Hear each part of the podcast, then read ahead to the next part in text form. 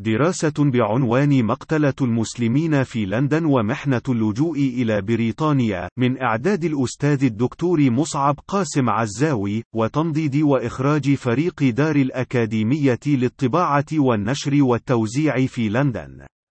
المكان جنوب لندن. وقف على رصيف محطة فورست هيل في لندن طعن رجلا بجانبه وهو يصرخ أريد أن أقتل مسلما. الموت للمسلمين. عودوا إلى سوريا. سوف نقتل المسلمين جميعهم. ثم طفق يتفحص وجوه البشر المتراكضين على رصيف المحطة باحثا عن أي شجاع يتجرأ بالإجابة تصريحا أو تلميحا عن سؤال البطل البريطاني المقدام من منكم مسلم لأقتله؟ أيضا. المكان غرب لندن. خالد صافي شاب في الثامنة عشر من عمره قضى سنوات وهو ينتظر في أدغال مخيمات اللاجئين المهملة في كاليه الفرنسية ليتمكن بعد محنة طويلة من القدوم إلى بريطانيا ليبدأ حياة جديدة ينسى فيها أتراحه التي حرمته من طفولته منذ غادر أفغانستان.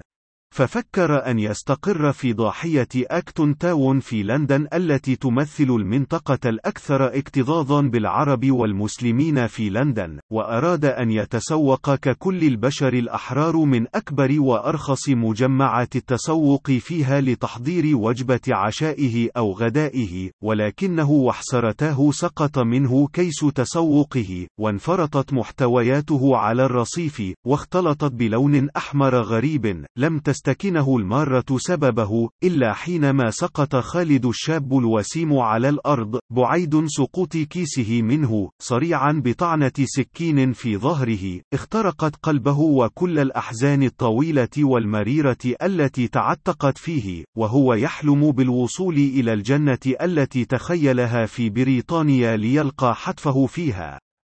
وصلت الشرطة بعد حين، ولكنها عادت بخفي حنين، لأن أينا من الشهود في مسرحي الموت في فورست هيل وأوكتون تاون لم يتجرأ، أو يرغب بالشهادة بما رآه، لغاية في نفس يعقوب، أو لرهابه من أن يأتي الدور عليه المرة القادمة، ليس مشهدين دراميين في رواية، أو سيناريو مسلسل تلفزيوني، وإنما حكايتين حقيقتين موثقتين صحفيا الدماء فيها قانية دافئة وليست حبرا أحمر باردا والقلوب القتيلة فيها قلوب كانت تنبض بحلم حياة كريمة وأمنة في الجنة المشتهاة لندن والتي يبدو أنها في طور تحول بنيوي عميق مآله الأخير أن تصبح جهنم المسلمين في قابل الأيام حيث مشاهد سحل المحجبات على أرصفة شوارعها والبصاق عليهن في وسائل النقل العامة أصبحت حدثا يوميا بالكاد يحصل على الإدانة الرسمية والإعلامية له بما لا يتجاوز حد رفع العتب. نعم إنها بريطانيا منظرة حقوق الإنسان على المستوى الكوني التي يحدث فيها محاولة انتحار واحدة على الأقل يوميا في معسكرات احتجاز المهاجرين من طالب اللجوء الإنساني أو السياسي فيها لإحساسهم بأنها سلاح سلاحهم الوحيد لإنهاء معاناتهم المريرة مع نظام القهر البيروقراطي المتوحش،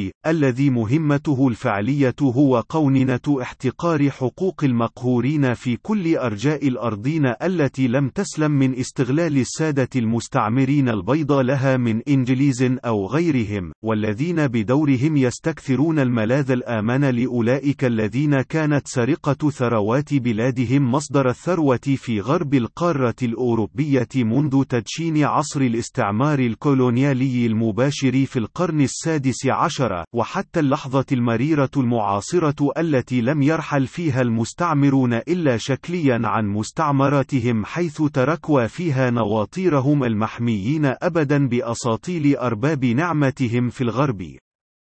وهم السوريون المعذبون أنفسهم، أصبحوا وكبش الفداء للسياسة الشعبوية البريطانية التي كانت المحرك الحقيقي للزلزال السياسي في بريطانيا المتمثل بتصويت الشعب البريطاني للخروج عن الاتحاد الأوروبي، وهو ما تمثل بشكل عياني مشخص يفقأ العين باليافطة الإعلانية الشهيرة لزعيم حزب الاستقلال البريطاني آنذاك نيجل فراج والمتمثل في تهديد البريطانيين إذا لم يتركوا الاتحاد الأوروبي بجحافل من اللاجئين السوريين الذين سوف يأكلون الأخضر واليابس في بريطانيا.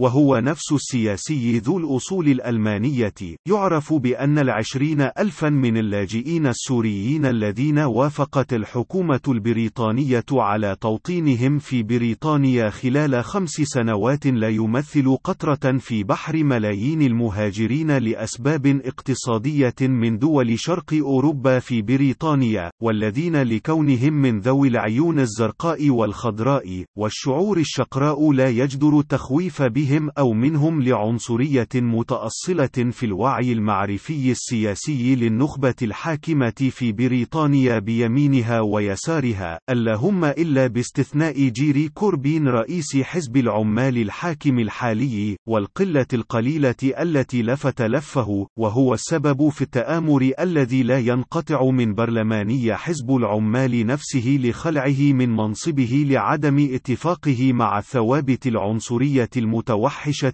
التي لخصتها شخصية الأفاق المتقن لصنعته توني بلير والذي بعد انكشاف عري تلفيقاته قبيل غزو العراق في العام 2003 حول أسلحة الدمار الشامل العراقية التي كانت بحسب بلير نفسه في وضع الجاهزية للإطلاق لتنال من العاصمة لندن خلال دقائق رفض الاعتذار عن تهشيم العراق معتبرا أن ما فعله خطوة ضرورية لوضع العراق على طريق الديمقراطية وهو ما ينعكس فعليا فيما وثقه الباحث المرموق مارك كورتيس في كتابه المهم التآمر البريطاني مع الإسلام الجذري حول كيف دأبت الإدارة البريطانية في البصرة وجنوب العراق على إضعاف كل القوى القومية والعلمانية في البصرة عقب احتلال العراق الأخير لصالح تقوية وتعزيز إمكانيات كل القوى القوى الشيعية المتطرفة فيها، وتسليمها مفاتيح الإدارة التنفيذية فيها، وهي نفسها القوات التي شكلت عماد الميليشيات الشيعية المتطرفة التي تحركها إيران راهنا في المجزرة المزمنة في سورية الجريحة، وهو الذي يبدو أن نواتجه من الناحية العلمية لم تكن مضرة أبدا، إن لم تكن مفيدة ومحبذة للاقتصاد البريطاني بحسب تسريبات تسريبات صحيفة الاندبندنت في الخامس من سبتمبر من العام.